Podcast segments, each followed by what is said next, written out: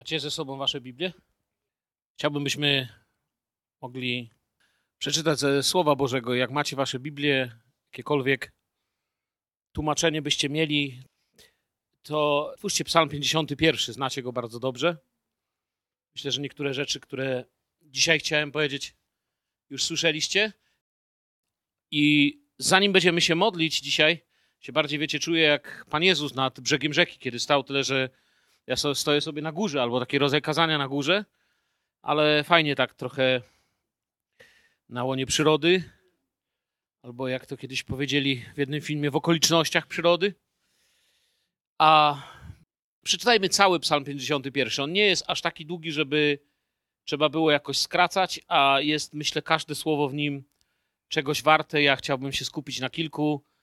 Pewne rzeczy, dwie czy trzy, które dziś powiem, znacie, a inne wierzę, że, no może też znacie, w sensie ja nie mówię, że wszystko, co ja mówię, to nie znacie, ale dwie czy trzy już wcześniej mówiłem, natomiast inne, przynajmniej w moim wypadku, pierwszy raz zobaczyłem. Psalm 51, zacznijmy czytać. Dla prowadzącego chórm, psal Dawida. Dawid był wówczas po swym upadku z Batrzebą i po spotkaniu z prorokiem Natanem. Zmiłuj się nade mną, Boże, stosownie do swojej łaski, w swojej wielkiej litości wymasz moje przestępstwa.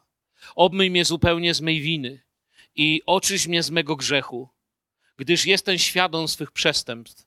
Mój grzech mam wciąż przed oczami. Przeciwko Tobie samemu zgrzeszyłem, popełniłem zło w Twoich oczach. Słuszne jest Twe napomnienie, jesteś bez zarzutu w swoim sądzie. Rzeczywiście, urodziłem się w przewinieniu, grzesznym poczęła mnie matka a dla ciebie milsza jest prawda skryta na dnie duszy, dlatego dałeś mi lekcję głębokiej mądrości. Pokrop mnie hizopem, a będę oczyszczony. Obmyj mnie, a stanę się bielszy niż śnieg. Spraw bym usłyszał radość i wesele. Niech ożyją kości, które tak skruszyłeś. Zasłoń swoje oblicze przed moimi grzechami i wymasz wszystkie me winy. Czyste serce stwórz we mnie, o Boże, prawość ducha odnów w moim wnętrzu.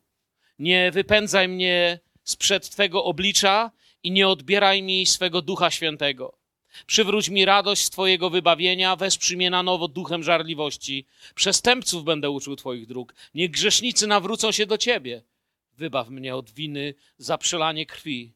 Boże, Boże mojego zbawienia, a mój język z radością rozsławi Twoją sprawiedliwość. Panie, Otwórz moje usta, niech me wargi ogłoszą Twą chwałę, bo nie znajdujesz przyjemności w ofierze. Całopalenie. Choćbym chciał Ci je złożyć, nie zechcesz.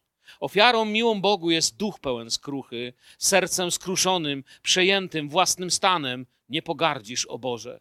W Twojej dobrej woli czyń dobrze Syjonowi, odbuduj na nowo mury Jerozolimy, wtedy przyjmiesz z radością dary ludzi prawych, ofiary ogniowe i całopalenia, wtedy w szczerości serca złożą cielce na Twoim ołtarzu. Wstańmy i skupmy się na chwilę przed Bożym obliczem. Wiecie, to co słyszeliście, to jest Słowo Boże. To jest coś, co jest nie tylko wyjątkowe w tym, że jest Słowem Bożym, ale jest też w tym wyjątkowe, co mówi nam, co, co właśnie, że wiele razy tu powtarzałem, nie, że cała Biblia jest tym, co Bóg mówi do ludzi. A psalmy są tym wyjątkowe, że nie jest tylko tym, co Bóg mówi do ludzi, ale jest też tym, co Bóg chce, aby ludzie mówili do Boga. Bo psalmy to są też modlitwy. I Żydzi, jak wiemy, Izraelici modlili się często psalmami. Panie, przynosimy Tobie ten wspólny czas teraz. Chcemy, Panie, w tej pięknej pogodzie, tu w tych górach, oddać się pod działanie Ducha Świętego, poddać się Twojemu Słowu. Panie, chcemy być teraz na tym miejscu i prosić, aby Słowo Boże działało. Chcę Ci wyznać, Panie, że bardzo potrzebuję działania Twojego Słowa. Potrzebuję bardzo każdą częścią mojego życia, aby Twoje Słowo działało, dotykało, przemieniało i przygotowywało moje życie, Panie, aby tak żyć, jak Tobie się podoba. Prosimy Ciebie, Ojcze, dzisiaj, abyś dotknął się nas na tym miejscu i dał nam takie pełne otwarcie się na cudowność Twojego przesłania. W imieniu Jezusa. Amen. Wróćmy do tego samego psalmu, który czytałem. Jeśli ktoś nie pamięta, to był psalm 51. Możecie sobie otworzyć. Zauważyliście, że ja wam troszeczkę z innego tłumaczenia przeczytałem niż te, które tutaj macie. Wiadomo, że kto ma czeskie tłumaczenie, to ma tam jakieś swoje, kto ma polskie, to w większości znamy nawet na pamięć tą, tą warszawską wersję, to tłumaczenie z Biblii Warszawskiej. Ja troszeczkę celowo przeczytałem inne jeszcze. Wiele razy to chyba powtórzę i powiem, że ja lubię czytać z różnych tłumaczeń. Wiecie dlaczego? Bo zaczynamy zwracać uwagę na słowa, do których przywykliśmy. Przez lata w tej samej Biblii czytamy, przyzwyczailiśmy się, to tak brzmi, a kiedy to przeczytamy. Zobaczmy na pierwszy werset tego, co za chwilę chciałbym trochę przestudiować to słowo, aby Wam pomóc też w odbiorze tego psalmu, kiedy go sami będziecie czytać. Tutaj przy pierwszym wersecie niewiele powiem. Psalm 51, werset pierwszy mówi dla prowadzącego chór psal Dawida. Wiecie, dowiedziałem się ciekawą rzecz, że melodia do tego psalmu zaginęła. Że Żydzi nie wiedzą w ogóle, jak go śpiewano. Można mniej więcej, patrząc na słowa, tam są jacyś fachowcy od muzyki, którzy potrafią mniej więcej odgadnąć w, jaki, w, jakim, w jakiej, nie wiem czy ja użyję tu właściwego słowa, muzycy mnie tu mogą poprawić, w jakiej tej rytmice był śpiewany, ale ogólnie nie wiedzą, jak, jak był śpiewany. Nie ma melodii. Nie, nie ma po prostu żadnej możliwości zaśpiewania go tak, jak było. Ale myślę, że w tym psalmie akurat najważniejszy jest tekst, a nie melodia. To nie jest jakiś, wiecie, przebój, który przeszedł przez to, że stał się melodią, ale przez to, że jest jedynym tak wyjątkowym tekstem, który opowiada o tym, jak ktoś wszedł w pokutę. I kto z Was, myślę, że większość z Was zna, jak powstał ten psalm. Wiemy, że był taki człowiek, który nazywał się Eliama, który, co tłumaczymy z języka hebrajskiego jako bliski Bogu, który miał córkę, którą myślę, że ojcowskie serce miało dla niej wielkie plany. Dali córce imię Bet Sheba, co oznacza córka przysięgi, czy córka obietnicy. Taka no, zaprzysiężona prawdopodobnie w, ich, w ich myśli Panu. I wiemy, że ona miała męża, który był Hetytą, nazywał się Uriasz. I pewnego dnia, kiedy wojska wyruszały na wiosenne, na letnie zmagania na linii frontu, gdzie Izrael prowadził walki, Wiemy, że jak to żona wojownika zostaje ona w domu, ale tamtego razu król nie wyruszył. Wiecie, jest ciekawa myśl taka u niektórych rabinów żydowskich, którzy mówią, że Batrzeba, kąpiąc się, wiedziała, że Dawid ją podgląda, że jest niemożliwe, żeby osoba tak wysokiego rodu mieszkała w domu i nie zdawała sobie sprawy, że balkony królewskie wychodzą na ich taras. Ale to są oczywiście tylko gadki, to nie musicie wierzyć, nie? To wam tak mówię jako ciekawostkę tych, którzy komentują Biblię. Ale wiemy, że Batrzeba wyszła się wykąpać, Dawid ją zobaczył. Użyjemy tutaj takiego słowa zakochał się, chociaż to nie ma nic wspólnego z miłością, bardziej pożądał jej. Wiemy, że Batrzeba zaszła w ciążę, była w stanie oczekiwania na dziecko. No i król zaczął kombinować. Wiecie, Biblia mówi, że jest takie słowo w innym miejscu, rzekł głupi w sercu swoim, co? nie ma Boga. I to jest to, co się tutaj dzieje. Wiecie, kiedy mówimy o tym głupim, co mówi w swoim sercu, to tu nie chodzi o ateistę. Wiecie, ateizm nie jest największym konfliktem z Bogiem. Największym konfliktem z Bogiem jest bałwochwalstwo. To jest tam, gdzie się Boga wyrzuca.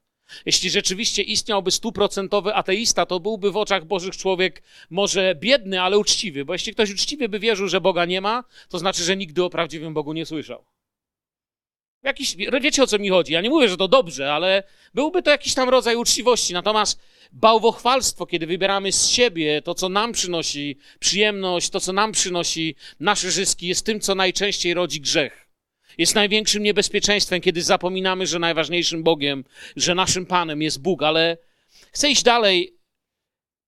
Ściąga męża Batrzeby do domu i myśli sobie tak, ściągnę go na urlop. On na urlopie pójdzie sobie do niej Pobędą razem, no i będzie, że to ich dziecko. Ale właśnie, no, że głupi w sercu nie ma Boga, nie? Dokładnie w tym znaczeniu tutaj znaczy nie ma Boga, że Bóg nie widzi, że Bóg nie zauważy, że Bóg to przeoczy. Ale ten człowiek był wojownikiem, który miał pewną rycerską zasadę, że jeżeli reszta jego oddziałów jest w polu, to on nie będzie spał w miękkim łożu. To byłaby hańba dla niego.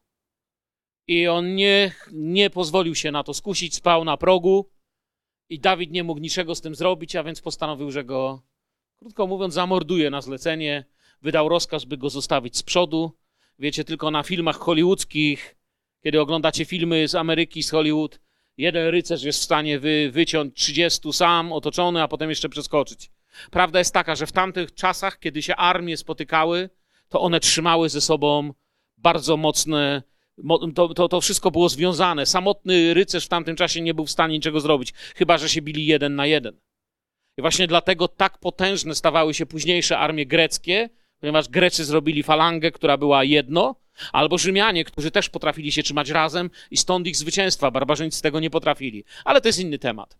On go posyła, oni go właśnie odstępują, ginie i Dawid myśli, że jest wszystko załatwione. Nikt nie wie, teraz jest wdową, może sobie ją wziąć, sprawę się udało zaklepać, załatwić pod dywan, wszystko załatwione. I wtedy przychodzi do niego pewien człowiek, który tym przyjściem ryzykuje głowę, patrzy na niego i mówi: Królu, opowiem ci pewną historię. Był sobie taki człowiek, co miał setki, setki, setki różnego rodzaju zwierząt: bydła, owce, miał majątek, miał wszystko. I był sobie obok taki człowiek, który miał tylko jedną maluśką owieczkę, którą, którą lubił bardziej nawet niż Zbyszek i Martina swojego kota. Bo oni pijecie z jednego kubka? On z jednego kubka z nią pił. Żyli, Biblia mówi, tak blisko ze sobą, że ona nawet spała koło niego. I kiedy dalej opowiada, Natan mówi, ten bogacz zobaczył tę owieczkę i myśli, no to, to tą przyrządzę dla swoich gości, dla siebie. Zabrał mu tą owieczkę, zabił.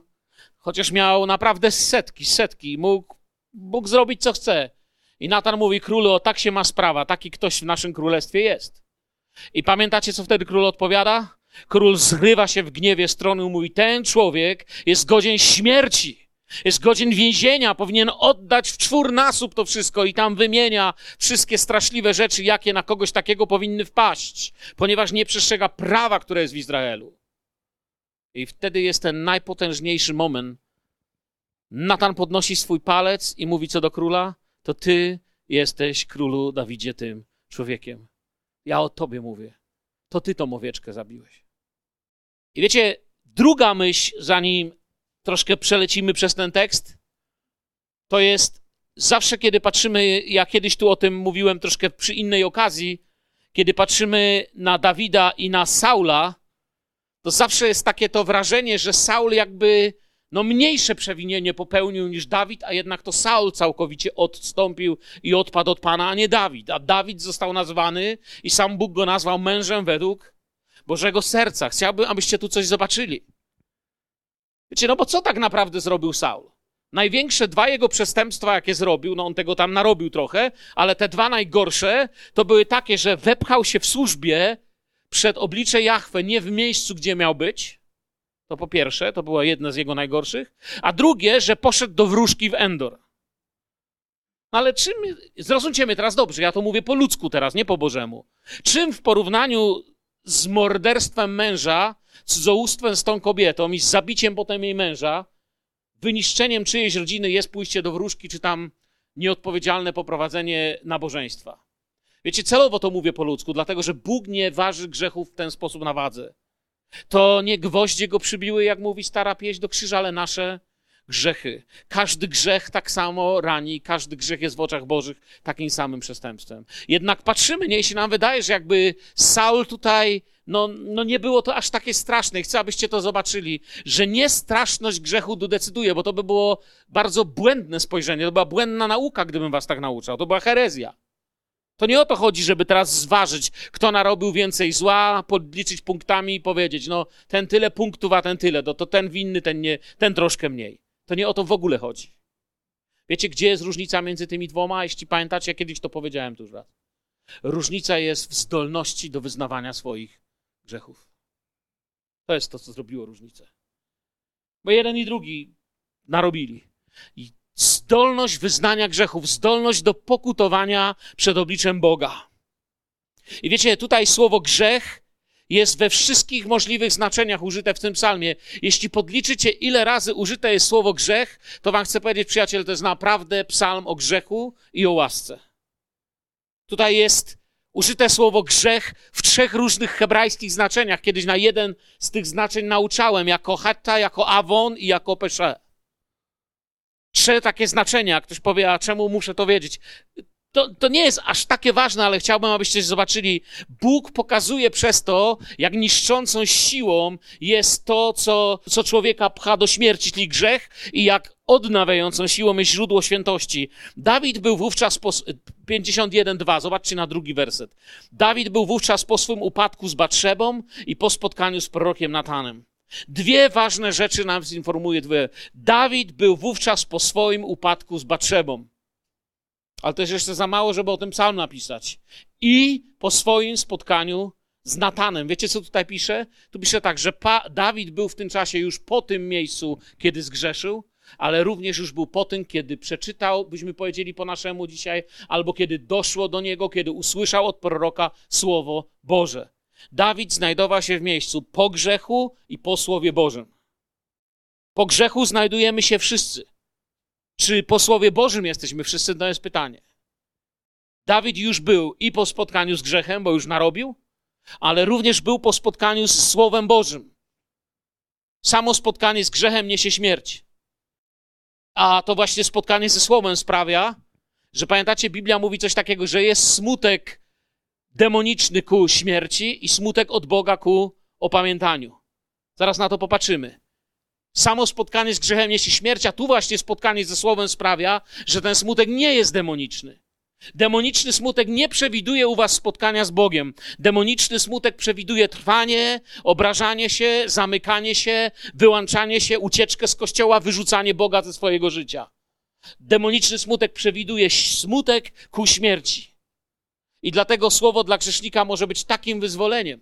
Dlatego jest takie ważne, żebyśmy byli świadkami Słowa Bożego. Dlatego mamy to Słowo nieść, dlatego ko Kościół ma nim żyć. To jest wezwanie do, do ryzykownej miłości ludzi, żeby ludzi kochać, bo my wiemy, że smutek od tego świata rodzi śmierć.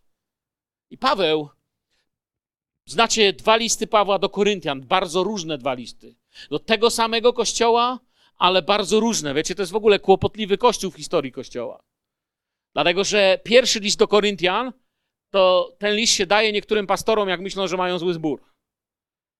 Słyszałem, że jeden brat mówi, wiesz co, myślałem, że w moim zborze są kłopoty. Jak sobie przeczytałem, co Paweł miał u Koryntian, to u nas jeszcze tak źle nie jest. I naprawdę tam tak jest. Czytaliście kiedyś, ktoś z was przeczytał cały list do Koryntian? Kto przeczytał? No, większość myślę, nie? Czwartkowych spotkań. To jest ta... To są ci czytelnicy Słowa Bożego z reguły w czwartek. Sami wiecie, co on tam pisze, nie? Ale drugi list jest totalnie inny. Jest kompletnie inny. Paweł jakby normalnie świętuje, że oni się nawrócili, że coś doświadczyli, a mogę wam powiedzieć jeszcze, że mam, chyba nawet przy sobie mam, list już taki napisany około chyba 157, 180 roku, teraz nie pamiętam, też do Koryntian. I wiecie co? I znowu wtedy mieli problemy. To był chyba już taki kościół, co ciągle miał problemy.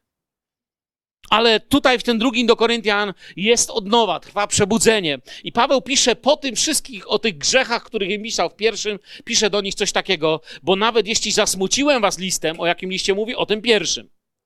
Jak ktoś czyta, to drugi Koryntian 7, 8 zaczytałem. A jeśli żałowałem, widzę bowiem, że tamten list przynajmniej na chwilę was zasmucił, to teraz się cieszę.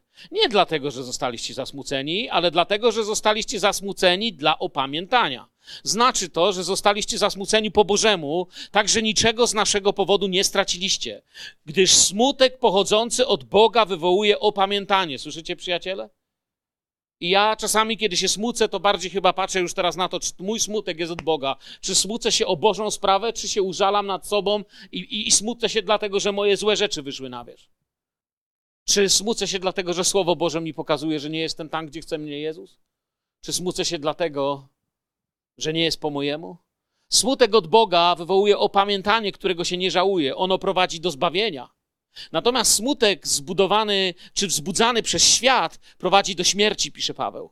Zauważcie, co wynikło z tego Bożego smutku, jedenasty werset. Jaka obudziła się w was tęsknota, jakie oburzenie na zło, jaka chęć wymierzania kary we wszystkim, jeśli chodzi o te sprawy, okazaliście się czyści. Paweł pisze, są dwa rodzaje smutku, a Słowo Boże w was sprawiło ten właściwy rodzaj smutku. A więc Koryntianie byli po grzechu i po spotkaniem ze Słowem Bożym, które posłał im apostoł Paweł.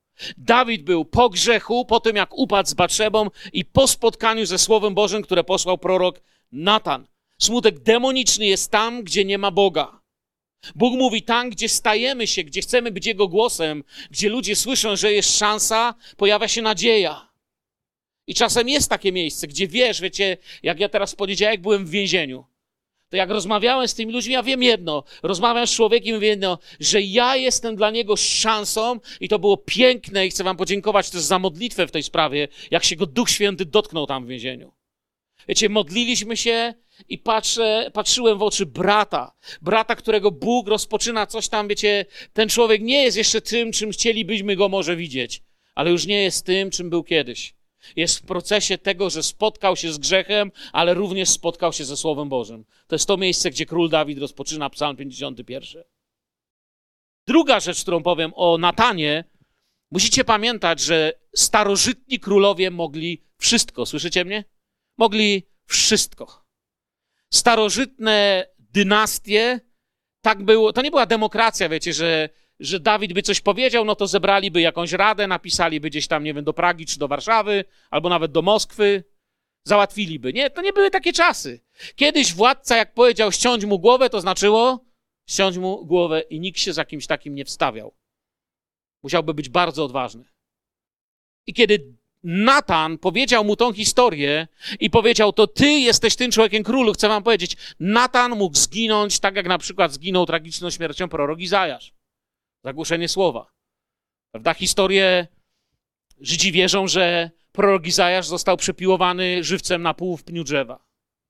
Właśnie za to, co głosił. A jeżeli nie chcecie historii czy opowieści żydowskich, to wiecie sami, że dość jest w Biblii przykładów, że można zginąć, kiedy się głosi prawdę i jest się odważnym dla prawdy.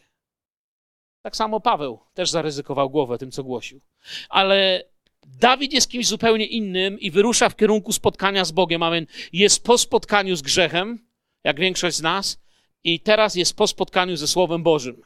I teraz już nie chodzi o to, kim ty jesteś, Dawidzie, tylko co ty zrobisz z Dawidzie, z tym, co powiedział do ciebie Pan Bóg. Zmiłuj się nade mną, Boże, stosownie do swojej łaski i wielkiej swojej litości wymaz moje przestępstwa. Czy kiedy słyszę stosownie do swojej łaski, której nie rozumie, stosownie do litości, której nie pojmuję, to łaska i litość mi się natychmiast kojarzą z Panem Jezusem. A momentalnie Jezusa widzę. I tutaj pisze, wymasz. Wymasz te, te, te, to, to, to straszne coś za mną, te moje działania, wymasz. Wiecie, chcę, abyście coś zrozumieli. Dawid, abyśmy wszyscy coś zrozumieli, tylko wy, ja i wy, każdy z nas, że, że Dawid nie mówi, Boże, jakoś to weź to tak zlekceważ. Wiesz, no, no było, minęło, no słuchaj, wszystko będzie dobrze. Bóg tak nie postępuje.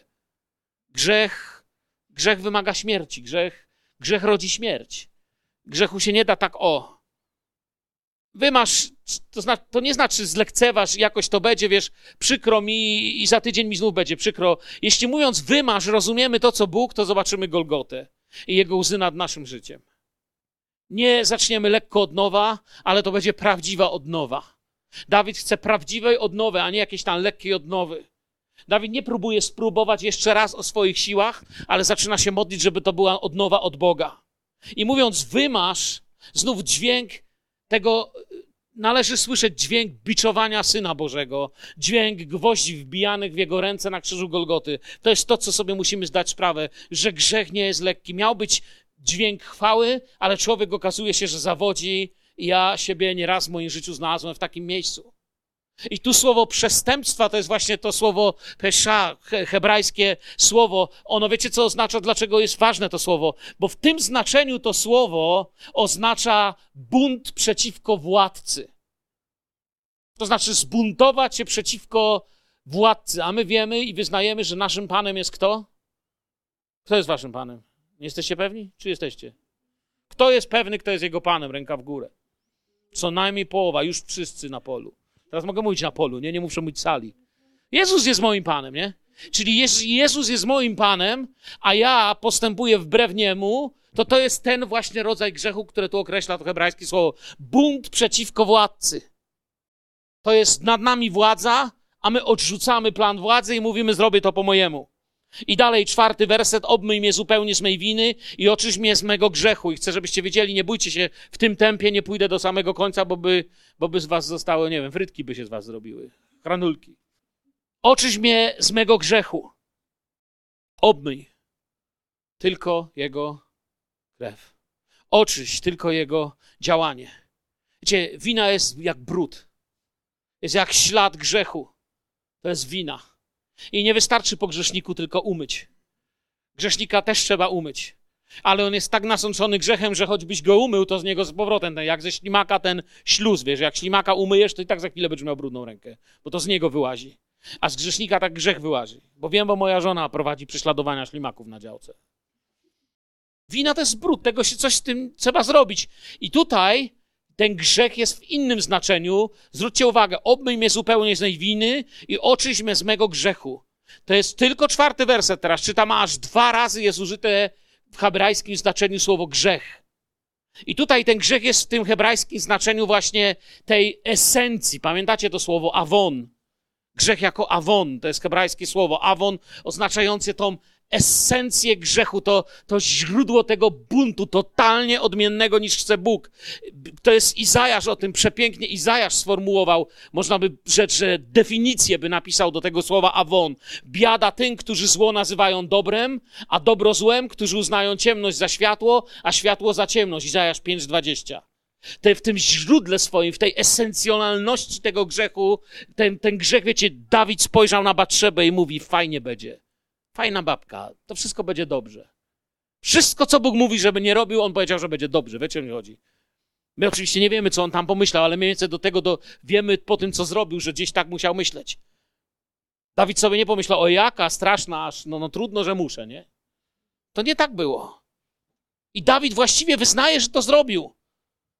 A tutaj trzecie znaczenie grzechu mamy, druga połowa czwartego wersetu, to jest to znaczenie właśnie hata, znaczy dosłownie chybić celu. I zobaczcie, to jest pełna hebrajska definicja grzechu.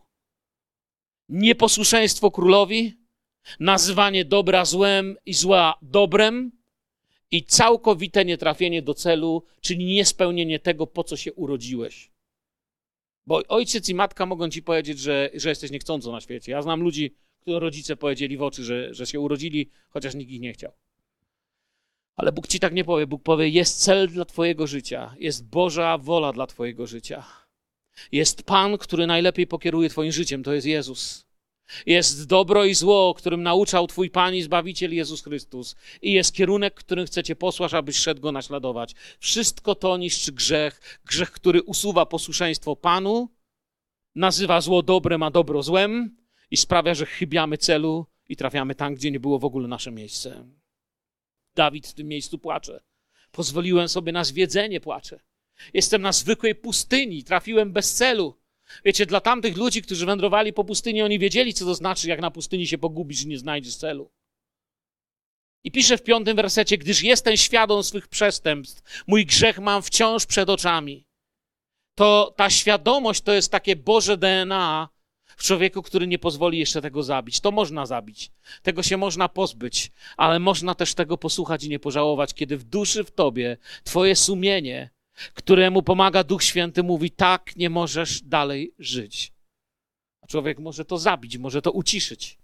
I jak Bóg pozwoli, w niedzielę mogę powiedzieć o tym trochę więcej. Dzisiaj nie ma na to czasu i zupełnie z innego punktu widzenia bym chciał się do tego odnieść z punktu widzenia nauczania Jezusa, ale Dawid się do tego uchwycił. Ta radioaktywność grzechu lodzi potwora. Mówili, że tam, gdzie są radioaktywne tereny, to się ludzie dziwni rodzą. Dziwny rodzaj chrześcijaństwa jest tam, gdzie jest radioaktywność grzechu. Moc Boga w pokucie narodzi człowieka według Bożego serca. Bo to nie nasza doskonałość nas takimi czyni. Dawid nie był doskonały, ale społeczność, czułość na Boga czułość na człowieka według Bożego serca, na to, że Bóg coś może zmienić. I tu znów tam się nam pojawia w tym wersecie piątym ten grzech, którego on jest świadom, to tu jest użyte słowo jako przestępstwo. Mamy przestępstwo jako bunt wobec władzy. To jest przestępstwo. Jak coś złego zrobicie i przyjedzie was aresztować policja, to nazwą człowieka jak? Przynajmniej w Polsce przestępcą. Co przestąpił? Prawo tego kraju. Tutaj w tym znaczeniu grzechu właśnie to jest przestępca. Ktoś, kto przestąpił Boże prawo. I drugie słowo grzechu używa to samo hata, czyli chybienie celu. Zobaczcie, każdy werset jest tak nasączony świadomością grzechów. I ja myślę, że wiecie, nam się to może nie podobać, ale nie ma prawdziwej pokuty bez świadomości tego, że się zgrzeszyło. Ja myślę, że nie da się wyznać grzechów bez świadomości, że zgrzeszyłem. Ja nie myślę, że Bóg czeka ode mnie na taką pokutę. Wiesz co, Panie Boże, no ja nie wiem, czy to jest dobre, czy złe, no ale dobra. A niech ci już będzie, przepraszam. Nikt takiego przepraszam nie chce, a co dopiero Bóg, zgadza się? Jak tobie coś zrobię niechcąco, na przykład wyleję jogurt na tapicerkę w samochodzie Tomka. Nie wiem, czy widzieliście kiedyś czystszy samochód. Jak chcecie zobaczyć, jak wygląda czyste auto, zobaczcie jego auto. Mój wygląda jak śmietnik przy jego aucie. Do niego do auta nie wolno wejść z jedzeniem, no ale gdybym wylał jogurt i mu tylko powiedział, a tam, przepraszam, no już drugi raz nie wiem, to za mało. Musiałbym wytrzeć coś, coś, coś. On by musiał zobaczyć, że co najmniej mi przykro, no nie Tomek? Może, może bym to przeżył. A teraz mówimy o Bogu. Tego nam nie pomoże psycholog. Znaczy, psycholog może dużo pomóc człowiekowi poradzić sobie z myślami, ale co kiedy go nie będzie i te rzeczy wrócą? Myślę, że dużo lepszą rzeczą jest położyć to przed Bogiem, który bierze to na zawsze, który dał nam wyjście. Oczywiście nie zrozumcie mnie źle, psycholog może dużo ludziom pomóc, ale musimy zrozumieć, że nam nie tyle trzeba kogoś, kto nam pomoże na teraz, trochę inaczej myśleć, co nam potrzebne coś, co nas potężną siłą zmieni w środku, abyśmy byli innymi ludźmi. Człowiek się musi albo zakłamać na śmierć, albo uciekać od śmierci i wyznać swoje grzechy. Jedną z rzeczy mówi, albo tak kłamać, aż umrze, albo tak uciekać, aż będzie żył. Do Jezusa. Ale to tutaj decydujemy. I zobaczcie, to są bardzo ważne słowa. Przeciwko Tobie samemu zgrzeszyłem, popełniłem zło w Twoich oczach. Słuszne jest Twe napomnienie, jesteś bez zarzutu w swoim sądzie. Wiecie, pamiętacie te wersety, które czytamy, kiedy jest wieczerza pańska u nas Boże. Gdybyśmy siebie osądzali, nie? Podlegalibyśmy sądowi. To jest, nie ma lepszego słowa, które otwiera drzwi sądu niż to właśnie przeciwko Tobie samemu, Panie, zgrzeszyłem. I to działa też na świecie. Mój kolega jeden, nie chcę mówić, co zrobił, bo jakby ktoś usłyszał, to on by wiedział, że o nim mówię, ale złamał kiedyś bardzo mocno przepisy. No i trafiło to na sąd i groziło mu, nie, nie wiedzieli, czy go posadzą, czy dostanie wielką karę finansową, co się stanie. I przyszedł do mnie się pomodlić i mówi, co ja mam teraz powiedzieć? Dzisiaj mam rozprawę, a co jak mnie zamkną? A co jak mnie taki dadzą mandat, że będę musiał dom sprzedać? Ja mówię, ja ci mogę powiedzieć jedno. Jezus powiedział, powiedz prawdę.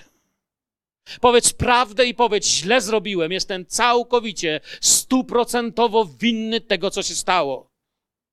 A potem powiedz, zróbcie co chcecie, bo ja jestem winny, nie mam nic na moje usprawiedliwienie. Wiecie, co on zrobił? Posłuchał mnie. Wiecie, co sąd powiedział? Kary są po to, żeby ludzi uczyć rozumu i resocjalizować, a pan już jest zresocjalizowany. I po prostu uniewinnił go, znaczy uniewinnił. No, uznał go winnym, ale nie dostał za to żadnej większej kary. Po prostu musiał pokryć straty, które, że tak powiem, powstały wskutek jego głupoty, co nie było dużym rachunkiem, naprawdę niewielkim bo tam bardziej chodziło o postępowanie prawne wobec ludzi niż straty. Nie chcę za dużo mówić, bo wyjdzie i się domyślą, o kogo chodzi. W każdym razie chodzi o coś takiego, że wiecie, on powiedział prawdę o sobie i powiedział sędziowi do sędziego, ja jestem winny i nie ma nic na moje usprawiedliwienie. To, co zrobiłem, było absolutnie złe i było po prostu zwykłym przestępstwem. Ale wiecie, nie był to człowiek karany nigdy. I tak jak mówię, puścili go. To jest to, coś tu Dawid mówi. Przeciwko tobie samemu Zgrzeszyłem, Boże. Ja przeciw Tobie zgrzeszyłem. Już nie mówi, Panie, ale ja, wiesz, tego. Ktoś kiedyś powiedział, że część zdania, która jest po ale, to jest nieważna, możecie jej nie słyszeć. Bo to, co miało być powiedziane, zostało powiedziane. Ale u Boga tak nie jest. Bóg mówi, zgrzeszyłeś, ale druga część po ale u Boga jest najważniejsza. Grzech tu jest winą. Nie, nie tylko nietrafieniem do celu. Jest winą wobec świętego Boga, zło w Twoich oczach. To jest wielkie odkrycie. Nie co ja o czymś myślę, ale co Bóg o tym mówi. A Ty, Panie, mówisz, że tak nie wolno, ja to zrobiłem. Znów okazało się, że masz rację. Dawid mówi, jesteś bez zarzutu. Zarzuty to są wobec mnie. A czasami nie, bo tamten winny, siamten winny. Pamiętacie, jak było na przykład z Adamem i Zewą, nie? Adam nie miał odwagi powiedzieć, Panie, ja, Ty jesteś bez zarzutu, moja wina. Tylko kombinował. Panie, tak w gruncie rzeczy to kto mi to mewę dał? No ty! Jeszcze trochę by Bogu udowadniał, że to Bóg był winny. W końcu ty mi to mewę tu dałeś, nie? Oczywiście Bóg sobie nie da w ten sposób mówić, bo jeden na drugiego zwalali.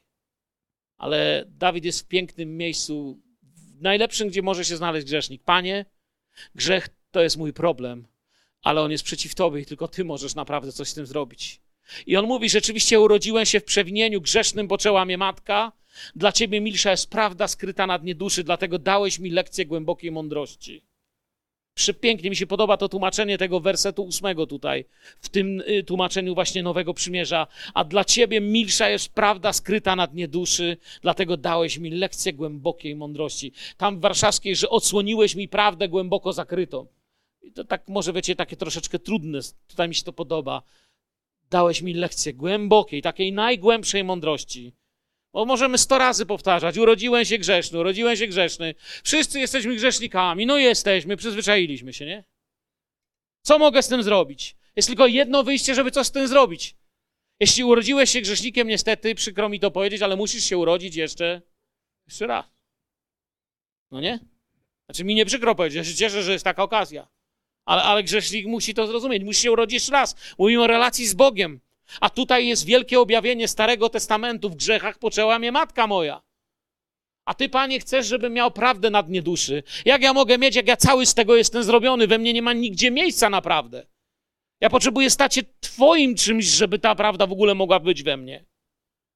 Wiecie, i teraz następują takie cztery wersety, które od 9 do 11 mówią, pokrop mnie hizopem, będę oczyszczony, obmyj mnie, stanę się bierszy niż śnieg, spraw, żebym usłyszał radość, wesele, zasłonę oblicze.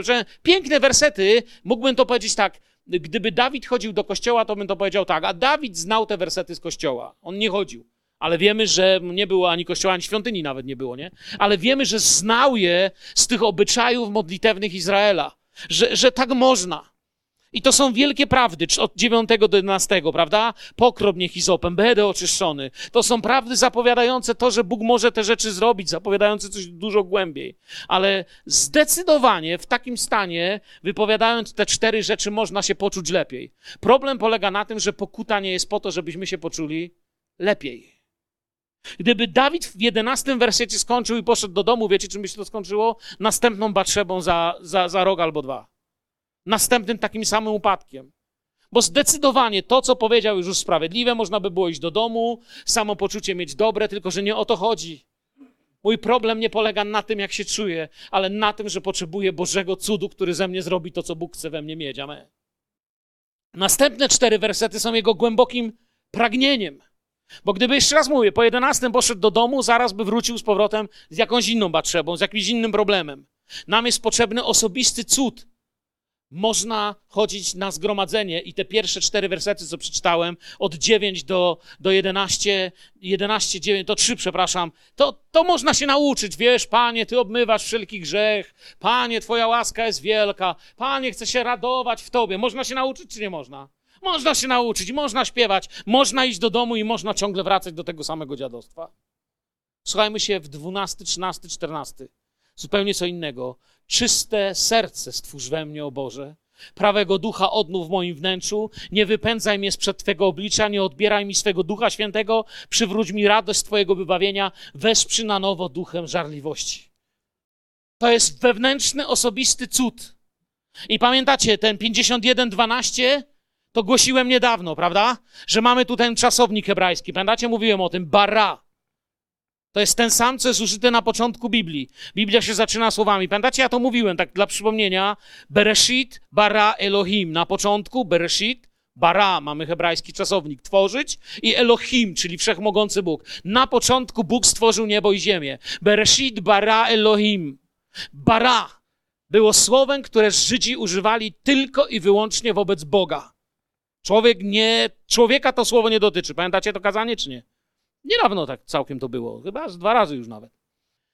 Że, że to, to, jest, to jest tutaj odsłonięcie nam pewnego cudu, bo Dawid używa tego samego słowa bara, a Dawid zna język i bardzo dobrze wie, że to słowo używa się tylko wobec Boga. Człowiek nie może, ponieważ słowo bara oznacza z niczego zrobić wszystko. Ex nihilo, jak mówił Augustyn, z niczego.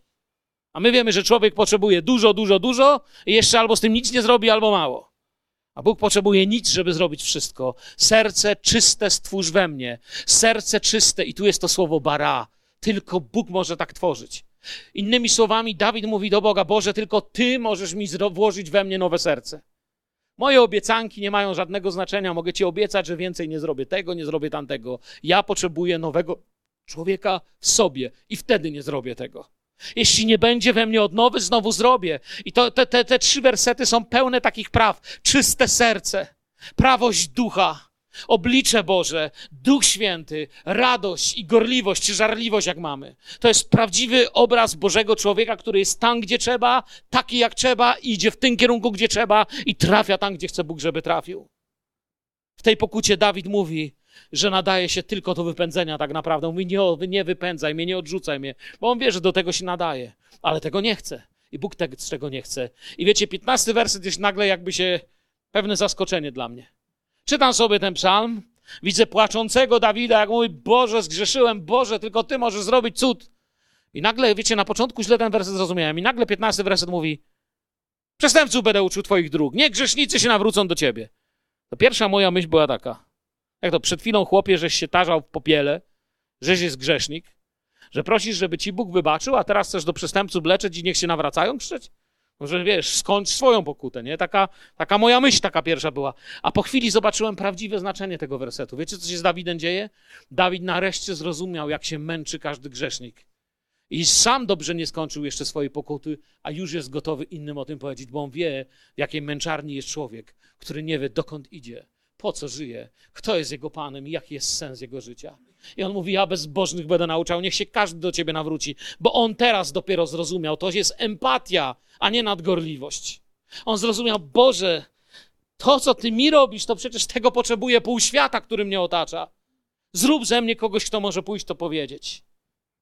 Zrób, bo wiesz, wiecie, czasami tak czekamy, że najpierw jesteśmy za młodzi w wierze, potem zbyt zajęci w kościele, a potem za starzy w wierze i nigdy właściwie Wybaw mnie od winy za przeranie krwi Boże mojego zbawienia, a mój język z radością rozsławić swoją sprawy, Twoją sprawiedliwość. Co mówi? Nowy język, nowe wybawienie. W takim stanie można uwielbiać.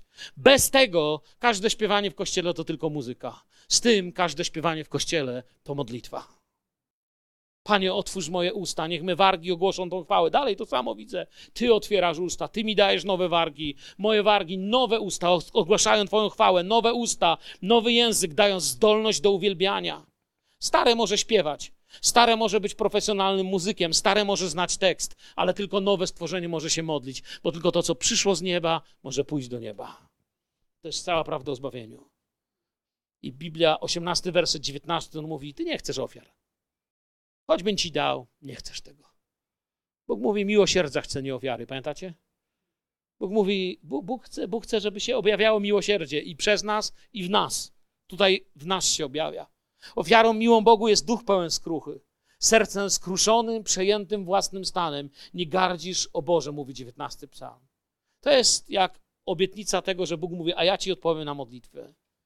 I kończąc, Zobaczcie na 20 i 21. Co Dawid tu mówi? W Twojej dobroci, w Twojej dobrej woli uczyń dobrze Syjonowi, odbuduj na nowo mury Jerozolimy. Zauważyliście się? Zdawałoby się, no co to ma wspólnego, chłopie? Pokutowałeś, Bóg cię oczyścił, a teraz nagle się modlisz, żeby mury Jerozolimy dobrze stały, żeby się dobrze działo. To ma dużo wspólnego, wiecie co? Tylko jeśli naprawdę wyznamy nasze grzechy, będzie nam zależało na tym, żeby się budował nasz Kościół. Dopóki Dawid był zajęty knuciem i ukrywaniem swoich grzechów i żył w nich, było mu wszystko jedno, co się dzieje. Kto ginie i kto nie ginie. Uriasza na śmierć posłał. Nie martwił się o mury Jeruzalem. Ponieważ o mury Jeruzalem, o stan duchowy ludzi wokół mnie, martwię się wtedy, kiedy jestem dopiero sam wolny. I dlatego mówi, w Twojej w dobrej woli czyń dobrze Syjonowi.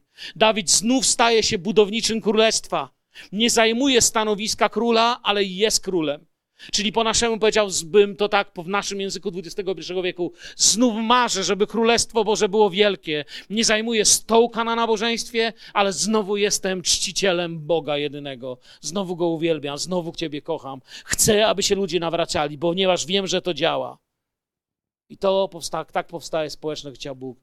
Niech ten psalm będzie dla Was zbudowaniem, posileniem. Stańmy, jeśli ktoś ma na sercu modlitwę, podziękujmy Bogu za to, co ten psalm w sobie zawiera. Amen.